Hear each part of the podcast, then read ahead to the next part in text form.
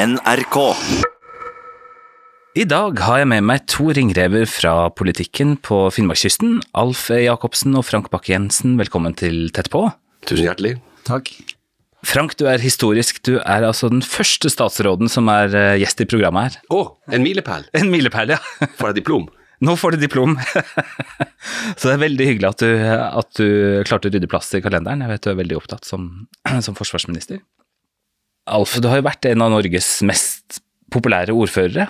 I 2015 så fikk du en oppslutning i Hammerfest på 71,1% Ja. Sånn fantasitall, nesten. Det er nesten litt sånn i overkant hvis du skal ha demokratiet til å fungere. Det kan jeg jo si nå. Ja, ja, ja. Så nå er det jo eh, litt mer justert, og det tror jeg er sunt. At flere partier er med og Nei da, det var nesten sånn i overkant. Jeg ble sammenligna med Nord-Korea, men det var jo uforskyldt. Men det var pga. oppslutninga, ikke på måten Ja, du leda nei da, det var Det er jo en viktig, det er jo en viktig forskjell, da. Eh, Alf erkjente jo at det her må vi gjøre noe med. Altså, det her er Ja. ikke, I Nord-Korea har ikke jeg sett det samme selvinnsikten. Altså.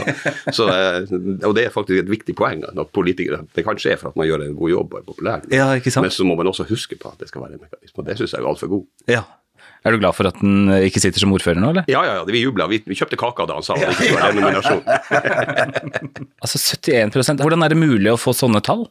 Nei, det er vanskelig, men jeg, jeg trives sammen med folk og eh, snakker med alle. og Det kan ha en viss sammenheng. Og at jeg nå rydder skit i byen og gjeter rein og ja. Jeg bryr meg ikke om hva jeg holder på med. Det er liksom Det, de morgenrutinene dine er ganske interessante. Ja da. Når står du opp, og hva gjør du på morgenen? Jeg står som regel opp i eh, halv fem, eh, Hvis ikke jeg har kommet meg i sving i byen til klokka eh, kvart over fem og seks, så eh, kan jeg bare gå og legge meg igjen. Men eh, jeg starter med å rydde eh, søppel.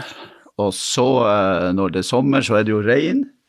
Og så har jeg da jobben med å ta ut rein av sentrum for å liksom hindre konflikter mellom hageeiere, byfolket og reindrifta. Så i fjor sommer så var det 1500 dyr jeg tok ut. Som du sjøl tok ut? Ja, og nå har jeg lært meg sånn. Jeg styrer dem bare med hendene. Før var jeg jo ikke så profesjonell. Men når jeg styrer dem dit, så vet de hvor de skal. Yes. Og motsatt. Og rett frem. Så det der har jeg lært av eh, han Aslak Sara, som jo er en av reindriftsutøverne som er der. Akkurat.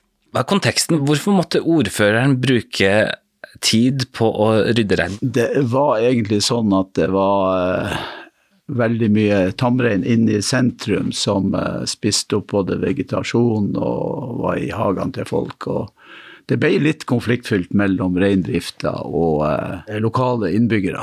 Og da fant vi ut at vi skulle prøve, iallfall i et, en periode, å gjerde inn byen. Og det gjorde vi, sammen med reindrifta. Så vi har jo hatt et gjerde nå som eh, har fungert rimelig greit i ti-tolv år. Og nå er det jo en diskusjon hvor lenge skal vi ha gjerde og alt det der, så, men eh, det har gjort at eh, både vi har fått en grønnere by, og konfliktene har eh, dempa seg. fordi at det, det er jo sommerbeite der, og det kommer vi aldri eh, bort fra.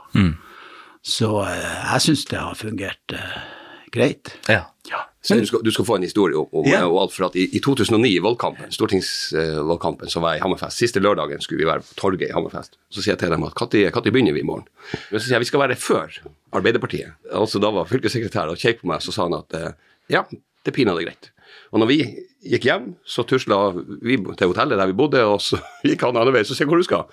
Det er bare å rigge teltet nå, så skal vi nå han Alf. Så han gikk, han gikk, han gikk klokka ett, da gikk han rett fra utestedet, og så gikk han på torget og satte opp Jeg, høydetelt. jeg husker den gangen, og det er en av de få gangene at jeg har vært tatt eh, på senga. Ja, men det var rett fra nattklubben. Ja, ja. Han kjente sin ordfører. Så. ja da. Hvordan fant dere ut eh, at dere har samisk bakgrunn? Jeg fant ut for at jeg var, jeg var nysgjerrig. Jeg spurte ei, ei eh, fjern slektning, eldre, altså hun var, søskenbarnet til bestefaren min. Og så sa jeg at jeg skulle, jeg driver og leter i, i slekta mi og ser om jeg har noe samiske røtter, for jeg skal melde meg, inn i samemanntallet, der er et politisk felt jeg er interessert i. Så sier hun til meg at men det har du jo, Frank, så du har jo ei oldemor. Så sier jeg at det, det, det har jeg ikke. Jo, jo, jo, sier hun. Det, det har du. Hos oss er historien Jeg har aldri fått den verifisert, men hun, hun bare det den. At eh, oldefaren min han er fra Lofoten. Han dro på Finnmarka på fiske. Han traff oldemor, forelska seg, og tok henne med tilbake til Lofoten. Han var odelsgutt, mm. og mista odelen. siden han hadde gifta seg eller forlova seg med, med det som man i Lofoten kalte for Finn. For i vår familie gifta vi oss ikke med, med, med samer. Han skulle egentlig gifte seg med jenta på nabogården, og gårdene skulle slås sammen. Så nekta han det. Så det førte til at han eh, forlot Lofoten, flytta til Syltefjord i Finnmark og etablerte et småbruk eh, der. Eh, og Det er liksom, altså det er bakgrunnen for at jeg fikk, eh, fikk vite det. her er så sent som i 2006. Ja sånt, ja. Akkurat. Er det sånn at du har det fra flere grener av familien? Ja, det viste seg når, når eh, den andre oldemora mi på, på morssida, hun var vi helt sikre på kom fra finere byfamilie, hun var fra Vardø. Eh, Men, eh, men i kirkeboka så sto det at hun var søfinn fra Persfjord, så, så, så det var skuffelser på skuffelser for mamma og tanten mine når vi begynte å, når vi begynte å lete i, i slekta. Sånn at jeg har det iallfall hos to av, to av oldemødrene mine. Men for din egen del å innse, innse det, da, gjorde det noe med deg? Eh, Altså, jeg har tenkt at det, man skal ha rett på å vite hvor man, altså, hvor man stammer fra. Ja. Det er en viktig del av identiteten min. Eh, Det er en riktig kamp det å, å, å kjempe frem retten til å ha en samisk identitet. Når jeg oppdaga det her, så var det liksom ikke noe annet enn at det datt på plass. Ja, men det, det er rett det jeg har sagt. Nå kjenner jeg også at det, det er riktig det jeg mener. Men er det her noe som man eh, ikke snakka noe særlig om i familien, eller? Ja, ja, ja. Det, var, det, det, var, det ble, ble stilltiende godtatt med 'finner du noe, så ikke si noe', sa han. Litt spøkefullt, men, men, men er jo, det er jo sånn for mange, tror jeg, i, i Finnmark at det, det er ikke noe man eh, Altså, eh, man vil identifisere seg med det. Iallfall retorisk så har man sagt det. Mens jeg, det ikke, jeg opplever ikke at det, det er ingen som har tatt avstand fra meg. Eh, tanten min og mamma er like glad i meg, og de, de, de syns det her er, er veldig greit. Men, Ja. men, eh, men, men litt sånn spøkefullt så sa de nok når jeg begynte å, å, å lete, så sa de nok at eh, finner du noe, så sier du ikke noe. Hvilket felt var det du engasjerte deg i politisk som, at, som satte i gang dette her, da? Litt faktisk det, det som han, eh, Alf snakker om, veldig mange av konfliktene dreier seg jo om areal og arealbruk. Mm. Jeg har ikke vært oppdratt til at det her er en eh, konflikt, Nei. men det var en konflikt som vokste eh, for meg på, på 80-tallet med Alta-aksjonen. og Det samme småbruket i, i Syltefjord det ble nedlagt. Og Så havna jeg i en diskusjon en gang med en, en reindriftsutøver som sa at nå er det vårt beiteland her. Jorda tilhører nå gårds småbruket. Det brukes ikke, da er det vårt. Eh, Det var liksom en sånn omvendt eh, ja, rettferdighet på det. som jeg ikke kan.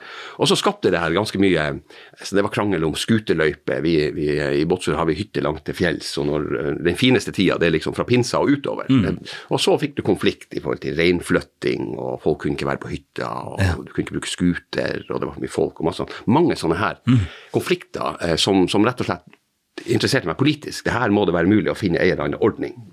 Litt som alt tenkte, at må, her må man kunne være konstruktiv. Eh, og så hadde Sametinget ganske, en ganske sterk stemme der, så jeg kunne tenkt meg å komme i samme manntallet, i alle fall, sånn at jeg kunne diskutere med dem på like vilkår. Det var, det, det var eneste grunn til at jeg begynte å, å, å lete. Og så fikk jeg en veldig overraskende, for meg, historie om mitt opphav. Jeg har jo også ei fortid med ei mor som uh, kommer fra Harald Mitana, som var same, men det ville hun ikke innrømme. Hun var veldig sterkt uh, fornorska. Og så satt jo jeg han uh, Steinar Pedersen satt i eh, Kommunaldepartementet, jeg satt i Sosialdepartementet. Vi fant ut at før nå Sametinget ble etablert, jeg tror det var i 89, så fant vi ut vi skulle eh, starte å verve folk inn i sametallet fra sør. Vi visste det jo var mange der. Og så håpa vi jo at svært mange av dem som vi nå verva inn, skulle stemme Arbeiderpartiet, at vi skulle komme til makta. Så vi for jo rundt der på sør, og jeg tror faktisk vi greide å verve en 500 mennesker. Og så dro jeg da til moren min, for i starten så var det strengt. Så uh, sa at uh, skriv nå under her, jeg skal inn i samemanntallet. Og har aldri, aldri sett noen så sint som da. Så første gangen så gikk det galt, men så ble det jo lettere at du kunne eh, på en måte få lov å melde deg inn hvis du følte deg som same og alt det der. Så kom nå inn etter hvert.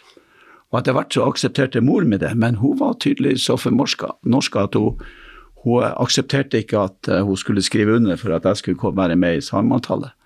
Så det der satt nok langt inne, men jeg ser nå, nå er hun dement, og nå snakker hun bare samisk. Ja, så det er ganske utrolig. Så det har vært en eller annen sånn fornektelse som uh, sikkert har sammenheng med at uh, det var mindreverdig å være uh, same. Så det der har nok sittet veldig langt inn, iallfall hos uh, hun.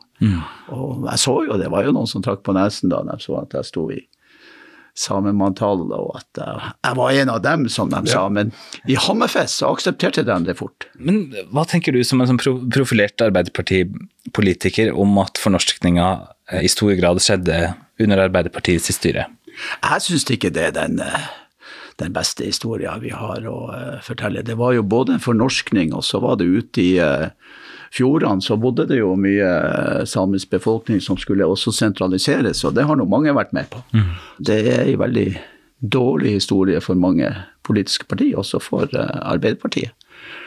Er det mange samer i Båtsfjord? Ja, det er det nok. Det blir jo flere og flere når vi begynner å, å, å spørre og grave. Men Båtsfjord er ikke noe samisk eh, samfunn. Den samiske identiteten står nok ikke eh, sterkt i, i Båtsfjord. Jeg oppdaga plutselig da jeg var ordfører at vi hadde ikke, vi hadde ikke det samiske flagget. Kommunen hadde ikke det samiske flagget. Vi kunne altså ikke flagget på, eh, på, eh, på nasjonaldagen. Og det var liksom en, ja, det er en grunn til det. Og, og Båtsfjord har jo også vokst opp etter andre verdenskrig. Det bodde 450 mennesker der etter andre verdenskrig. Mm. Båtsfjord ble ikke brent veldig mange flytta til. Og så vokste det til et industristed på 3000 mennesker ja. på, det, på, det, meste. Og, og, da kom det ikke så veldig mange samer. Iallfall ikke den samiske identiteten. Men samtidig så er det ei bygd der man samarbeider godt med reindrifta. Etablerte vindpark uten støy. Og ja, man tok reindrifta på alvor, sa at her, eh, her er plassene. Eh, hvor passer det? Hvor passer det ikke? Nei, det, det var veldig, veldig grei eh, prosess, egentlig, å, å etablere det. Kjøpte du flagg, da? Nei, jeg rakk ikke det. Jeg var jo bare ordfører i to år, så jeg rakk faktisk ikke å gjøre det. Men interessekonflikter, da. Mm. I nabokommunen til Hammerfest, Kvalsund, så vil jo Nussir eh, etablere en kobbergruve. Som har møtt eh, stor motstand i mange samiske miljøer, da. Hva tenker dere rundt de prioriteringene man er nødt til å ta, da? Nå er Hammerfest og Kvalsund slått uh, sammen til en uh, kommune. Ja. Og i Kvalsund så er det jo utrolig mange sjøsamer. Og sjøsamene de er delt i det spørsmålet rundt uh, Nussir og gruvedrift, og spesielt de som bor i uh, Koker. De ønsker at uh, gruvevirksomheten skal starte opp, mens andre er sterkt imot. Og så er det nok uh, reindriftssamene som uh, sammen med naturorganisasjonene er sterkt imot. For de mener at de vil miste beiteareal i mm. det området. og sier for så vidt at de er pressa for areal både her og der. Mm. Det der er egentlig eh, ganske utfordrende for alle parter. Så jeg håper jo det løser seg. Vi har jo støtta Kvalsund eh, for at det skal være aktivitet også eh, der inne. Så det er kanskje en av de store utfordringen som vi har fremover, det er å se på hvordan skal vi endelig lande det her. Og regjeringa har jo gått for det, og jeg tror at det prosjektet blir gjennomført. Mm. Og det er jo mange som er veldig bekymra for at det presses fra mange kanter. Da. Du har hytteutbygging, du har vindkraftsanlegg, du har, eh, eh, du har gruvevirksomhet som det her. Og det er flere som legger ned drifta. Når det først er lagt ned, så vil jo det være umulig å ta opp igjen, sannsynligvis. Akkurat den store kommersen rundt Nussir for reindrifta sin del, den ser jeg på med litt undring. Jeg er faktisk mer skeptisk til dagbruddet til Elkem i, på Varangerhalvøya, som tar masse kvadratkilometer med, med, med, beiteland. Av to grunner. Det ene er at du, du skal bort torva og det frem kvarts. Det andre er det at det støvet, det kvasse støvet som er der, det, det beviselig går utover beiteområdene. Mm. De, de ødelegges. Eh, og der er det helt stilt. Det forteller meg at, eh, at Nussir på mange måter er en, også en symbolsak som man tar. For det er, med de, de utredningene som er, så er det begrensa inngripen i, i, i reindriftsnæringa der borte. Det er i hovedsak underjordisk drift. Det er jo det, sant. Så er det også sånn at jeg mener vi er nødt til å se litt, eh, litt globalt på det. For at det her handler om å utvinne kobber. Her er et større spørsmål. Skal vi delta i det grønne skiftet, mm. så må vi òg delta med den typen uh, mineraler. Jeg merka meg den talen som eh, fjorårets, årets eh, nobelprisvinner holdt. Altså, dere har fine mobiltelefoner, dere har flotte laptoper, dere har flotte iPader. Dere kjører elektriske biler. Ta dere en tur til Afrika og se hvor mineralene kommer fra. Eh, vi har et solidarisk ansvar også for å, å, drive den typen industri hvis vi skal klare det, det grønne skiftet. Og det er også noe vi må legge i, i vektskåla når vi debatterer det her og skal ta en, en avgjørelse. Alle Eh, naturnæringer eh, blir, blir eh, påvirka av kravet om bærekraft. Det gjelder kystfiskeren, det gjelder sjølaksefiskeren, det gjelder reindrifta. også reindrifta eller de andre naturnæringene må ta bærekraftshensyn. Og Det vil gå på antall. Og så er det det å, å, å samarbeide om, om arealer og områder. Det er bare noe vi må gjøre. Det er umulig å, å se bort fra at eh, samfunnet utvikler seg. Eh, vi er jo også andre som skal bo her oppe. Det er også sånn at Vi har jo noen arealer som var avsatt til vindmølleparker som har fått endelig avslag. Og Der får jo reindrifta beholde eh, areal som de kanskje ikke trodde de skulle få eh, beholde. Og så har vi jo også diskusjon rundt uh, vindmølleparker ute på Seiland. Det er jo en, en sånn naturpark, så der er det kanskje vanskeligere. Så har vi også en diskusjon, skal det være et område ute i havet som vi kan bruke til, eh, til vindmøllepark som ikke er i konflikt med, med, fiskeriene. Så det gjelder jo også på en måte å balansere eh, de mulighetene det som er å se alt i en sammenheng. Ja, ja. Så tror jeg faktisk at eh, paradokset er at klimaendringene er en større utfordring for reindrifta enn ei kobbergruve i, i, i Kvalsund.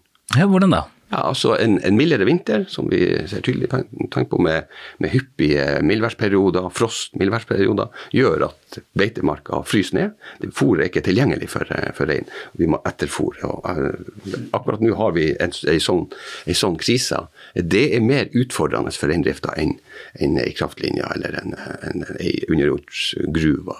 Det er så utfordrende i forhold til areal nå for noen reinbeitedistrikt at de er i ferd med nå å starte sommerflyttinga til kysten. Ja. For i hele tatt å finne beita. Mm. Hva syns du Alf om eh, samepolitikken til regjeringa? Nei, jeg syns for så vidt det er greit nok. Det kan være områder vi er litt sånn eh, uenige på, men eh, nå mener jeg jo at vi har en gyllen sjanse til å på en måte få eh, til noe. Det som jo nå er litt sånn konfliktfylt, vi har jo nå den diskusjonen om at jeg tror det er et flertall i den der Finnmarkskommisjonen som har gått for at Karasjok skal styres styre seg sjøl. Det har vært en dom i forhold til Nesseby, der det skulle være en sånn bygdeforvaltning av de og de områdene. Så den store utfordringa er jo hvordan konflikter vil det skape. Vil det være i stand til å lande? Det er på en måte som gjør at det ikke blir nye konflikter mellom folk. Så mange mener jo at det at når Karasjok har Eh, fått den muligheten, eller hvis de endelig får den, så vil det også danne presedens for eh, flere andre eh, kommuner. Ja, For da blir det økt lokalt selvstyre? Ja, det vil det bli. Men, men, men det vil også bli det vil også, altså du, du, vil garantert øke konfliktnivået. For at du får ikke noe fugleperspektiv på det. Altså, altså Næringer som er litt, litt, større enn bare kommunen, mm. vil ha store problemer med å få, få etablert seg. Du vil få, du, du vil få, konkurranse mellom kommunene om hvem som skal gjøre seg mest uh, næringsvennlig i Finnmark er jeg veldig redd for at vi kommer til å sause oss ned i en borgerkrig i stedet, ja. hvis, det, hvis, det, skulle bli resultatet. Så jeg, jeg, håper ikke det blir en rettskraftig dom. Men hvis vi nå får en sånn stor tilspissa konflikt rundt hvem skal eie arealene, mm. det så jeg er stygt redd for at vi, vi eh, kommer ut og kjører på nytt igjen. Og, og jeg føler at vi iallfall i Hammerfest har hatt en tilnærming til det samiske som har vært bra. Og jeg ser det nå, hvis de ikke flagger på samisk, så ringer hammerfestingene og sier hvor ja. dere har gjort av det samiske flagget. Og det er jo ting som for, holdt på å si, for en del år siden var, var en ikke-diskusjon. Ja. For det er jo litt interessant, for da sier du jo samtidig at man kommer fra en tid hvor det var større avstand da. Ja. Hvordan var det før? Hvis du går tilbake og ser fra opprinnelsen, så ser du jo at det var reinbeitedistrikt hele Hammerfest og hele Kvaløy og området rundt. Du kunne se eh, Gamma, der uh, samene uh, bodde relativt nært inn i sentrum. Så, så, vi har jo hatt samisk bosetting veldig lange i Hamfest. Men på et tidspunkt så var det sånn at nei, vi har ikke hatt samisk. Vi er kystfolk, og vi, driver, vi lever av fiske og alt det der.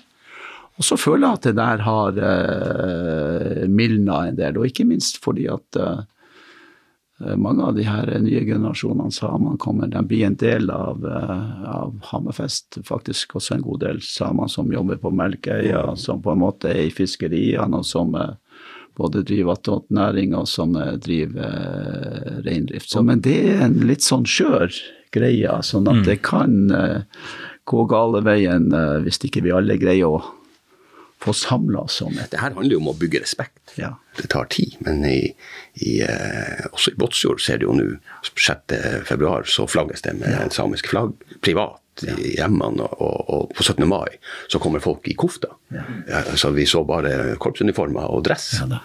For, eh, for 30 år siden. Det mentale endrer seg. Hun, Hilde, kona mi, hun har bursdag 6. februar. Og i år fikk hun en joik hos meg i bursdagsgave. Ja. Ja, som jeg laga sjøl. Som bare hun får høre, for jeg er jo usikker på om, om jeg er innafor. Det må du ta nå, Frank. Nei, nei, nei. nei. Men jeg hadde, jeg hadde laga den, og så, eh, så spilte jeg den inn, og så sendte jeg den til henne. Og, så, og jeg, bruker, jeg bruker litt tid av og til på å resonnere etter at jeg har gjort ting.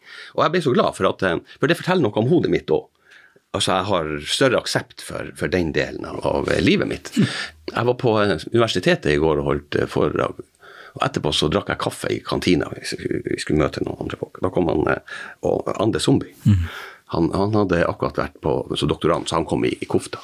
Så sier han Frank at har du kofta? Nei. Og det har jeg også liksom brukt sånn tid på. Det er så sånn, du må, du må, vi skal ordne deg kofta. Nei, så sier han, det har jeg ikke lyst på ennå. Ikke for at jeg ikke vil gå i kofta, men av respekt for dem som bruker kofta. Jeg har ikke lyst til at jeg skal ta på meg kofta, og så skal det bli oppfatta som ei politisk markering med. Så det kan godt hende at jeg kjøper meg kofta når jeg nå ikke er forsvarsminister eller et eller annet sånt lenger. Ja. For min egen del og for, for andre. Men jeg er også litt sånn jeg er veldig redd for å politisere denne typen eh, spørsmål. Eh, derfor ble jeg glad for at eh, jeg laga en joik, og så fikk hun Hilde den i bursdagsgave. Det, det er min fra meg til hun, det er bare hun som har, har hørt den. Den kommer ikke på Facebook eller på TV 2 eller på noe som helst, som veldig mye av det jeg gjør, ufrivillig kommer da. Og det tror jeg er en erkjennelse av at dette er noe jeg liker. Dette er en, en del av meg som jeg lever godt med nå. Og det tror jeg også handler om at omgivelsene har endra seg. Større aksept, større tillit og større respekt for, for, for hverandre. Og det må vi ta, ta vare på. Og da er akkurat den borgerkrigen veldig farlig, hvis vi nå ender opp i kommunal borgerkrig om, om Bærmyren. Vi har jo hatt samefolkets eh, dag lenge, og Kulturhuset var smekkfullt nå sist, til tross for at det var skitvær og det var stengte veier. Så jeg mener det skjer noe. Så hvis vi greier å holde en sånn ja, positiv eh, trend fremover, men hvis det først bryter ut nå, så tror jeg at det ødelegger for eh, mange år til. Ja. Du, i høst, Frank, så fikk du som forsvarsminister åpne Grenselosmonumentet i Tysfjord kommune. Et monument som har stått ferdig i 20 år. Hva er grunnen til at det aldri har blitt åpna, og, og hva betydde den opplevelsen for deg? Det var en, en, en morgen vi skulle reise en plass. Vi satt i bil på tur til Gardermoen, og så, eh, og så tikka det opp ei, eh, ei tekstmelding fra, fra NRK Nordland. Eh, De ville intervjue meg om eh, det her Grenselosmonumentet. Jeg hadde aldri hørt om det. Så måtte jeg inn og lese på saken først, og så ringte jeg opp dit, og så gjorde jeg et intervju med NRK. Med det lille jeg visste da. Og så ringte jeg til ordføreren i, i Tysfjord. Og så sier jeg til han, og hvis jeg på, på, på noe vis kan hjelpes til, så må du gi meg beskjed. Skal jeg komme dit, sier jeg. Tusen takk, Frank, hvis, hvis du vil det. Det her er kjempeviktig for oss. Og stridens kjerne, det var egentlig i hvilken form eh, det offentlige Norge skulle beklage måten grenselosa var blitt behandla på. Og så begynte jeg å lese litt av bl.a. en rapport som var skrevet i 1948 om de grenselosene, som er så tydelig rasistisk. Altså at den, den bryter med både én og to og tre i menneskerettighetserklæringa og allting og sånn. Og så sier jeg til de juristene her, men faen i jussen, sier jeg, men det må jo være fullt mulig for oss, i den grad vi skal kalle oss en rettsstat, å beklage at det her er et offentlig dokument. Det lå ingen bevis. Eh, saken var bare behandla og lagt til sides. Men det var altså ei, ei formulering eh, om de her grenselosene og om familiene i, i Tysfjord, som, som eh, der i dag hadde han vært dømt for å skrive noe sånt her, så, rett og slett. Så skrev jeg en beklagelse som jeg tok med til, til regjeringa, der vi rett og slett beklager behandlinga de fikk. Og så sendte jeg det oppover, og det var det de i utgangspunktet ville ha. Og det rydda også opp i den konflikten som hadde vært i Tysfjord, der man var uenige om er det bra nok, det her. Derfor hadde den steinen stått i 20 år uten at den var avdekka. For man ble aldri enige om eh, hvem skal komme, eh, hva er tilstrekkelig for at vi har fått den beklagelsen. Og så eh, dro jeg og Anne Karin Nolli, eh, som er statssekretær i Kommunaldepartementet, dit. Og så var noen av tidsvitnene og etterkommerne til stede og fortalte om sin opplevelse av det her. Og så avduka vi eh, bautaen, eller stein, og så holdt jeg talen min der jeg beklaga på vegne av det offentlige Norge. Behandlinga de, eh, de fikk. Det var fantastisk. Det er noe av det fineste jeg har gjort noen gang. Rett og slett for at eh, det å kunne få lov å være med på å, å plukke en sånn stein av skuldrene til, til, til folk, et sånt stempel, og se at folk godtar det. Ordentlig, virkelig godtar det. Det var tårer, det var klemmer, og det var Nei, fantastisk, rett og slett. Og her er det mennesker som har levd med et mistenksomhetens lys over seg i flere tiår. Ja, ja, ja, ja, ja. Det er jo det triste med denne typen eh, altså Evig eies kun et dårlig rykte. Stemmer i, i her tilfellene. Så de hjalp altså over 3000 mennesker. Nordmenn, briter, deserterte tyskere. Alt.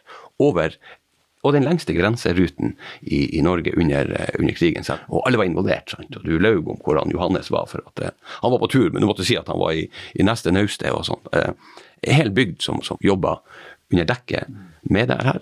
Og så blir de bare spytta på etter, etter krigen av, eh, av embetsmenn som kommer opp og ikke skjønner hva som har eh, Men tror du det ville fått en annen behandling hvis det ikke var en samisk bygd? Ja, jeg tror, jeg tror den koblinga er, er åpenbar. Ja, ja. Den, Den, den, eh, ja, ja, ja. Husk, vi, er kommet ganske langt etter andre verdenskrig. Det her er jo midt i raseforskninga si. si altså, vi, vi løfter opp nazismen som Nei, altså, vi hadde da, vi hadde da professorer nok i Norge òg som drev med forskning på forskjellige raser og graderte folk etter, etter størrelsen på hodeskallen. de, de reiste jo med, en- med en viss faglig autoritet, de her eh, embetsfolkene. også sånn. Ja, jeg tror helt hellig overbevist om at det her handla om at det var, det var samiske, samiske innbyggere. Ja. Svein, du må, du, må, du må lete frem. Du kommer til å fryse på ryggen. Det er helt forferdelig. Er det andre som ikke har fått den anerkjennelsen som de burde hatt etter krigen? Det er egentlig et veldig vanskelig eh, spørsmål. Jeg ga en offisiell beklagelse til partisanene. På samme grunnlag, måten de var blitt behandla på etterpå, dem og familiene deres. For det er også litt av det samme. altså Øst-Finnmark med E-tjenesten og med LO og arkivene og stemplinga som kommunist. og eh, Sånn at det gjorde jeg under eh, frigjøringsjubileet i, eh, i Kirkenes. Ja, det kan godt hende at det er, det er andre av andre begrunnelser, men det er vanskelig. Ja. vi, vi, er, vi prøver å se på om det er mulig å komme med en sånn beklagelse overfor for alle, men det konkluderte jeg med at det går ikke. For det, det kommer jo hele tida ny kunnskap. Du kan ikke på et vis beklage og si at nå er, nå er det gjort. For plutselig så får du vite mer, og da kan det jo om ti år dukke opp et eller annet dokument som forteller oss at det, det var urettferdig.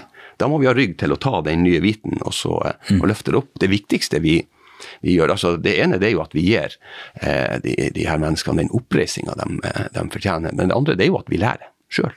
Her har vi som sitter med statsmakta feila, og det må, vi, det må vi unngå å gjøre neste gang. Sånn at vi, vi som, som samfunn vokser vi på, på å gjøre de her tingene rett. Og Derfor så konkluderte jeg med at vi, vi kan ikke ta en eller annen form for endelig unnskyldning, og så er det over. Vi må, for at det kommer kunnskap til det. Jeg tenker den, den fornorskningskommisjonen som, som jobber nå, kommer til å fortelle oss en historie som tilfører kunnskap til den delen av eh, saken, der vi antagelig eh, også må behandle det på en, på en, eh, på en ordentlig, ordentlig måte. Hvordan er det med deg, Frank? Hvilke visjoner, hvilken retning eh, håper du at vi kan ta framover nå? Nei, altså jeg, jeg, er nok, jeg er nok på lik linje med Analfot. Jeg håper vi klarer å tenke oss i større grad. Jeg håper vi kan utvikle den nordlige delen i, i lag. Jeg skriker når jeg hører eh, Elle Marie. Jeg håper vi får flere unge, unge samiske kunstnere og artister frem, for at det, det forteller oss en, en historie. Så håper jeg vi klarer på, på næringsutvikling og på en del av de tingene og, og tenke mer eh, landsdeler. Så syns jeg også jeg synes vi har det bra. Jeg syns det er veldig mye bra. Eh, Det skjer mye godt i, eh, i, i nord. og vi, eh, det, har, det har skjedd mye på de, her, eh, ja, de her 55 årene jeg har, eh, har levd. Så får vi bare håpe at det, det her eh, eskalerer og blir, eh, blir enda bedre fremover. Og Jeg er uenig med Elle Marie når det gjelder Nussi, men jeg heier på henne. For at hun er en sånn fantastisk sterk, eh, sterk stemme, en fabelaktig kunstner og, og, og vakkert menneske. altså når hun Masse energi, masse glød og masse fremover. Er, nei, Vi trenger mange sånne. altså. Frank Bakke-Jensen og Alf E. Jacobsen, tusen takk for at dere var med i Tett på. Det var bare hyggelig. Jeg heter Svein Lian. Tett på fra NRK Sápmi er produsert av 1 til 1 Media.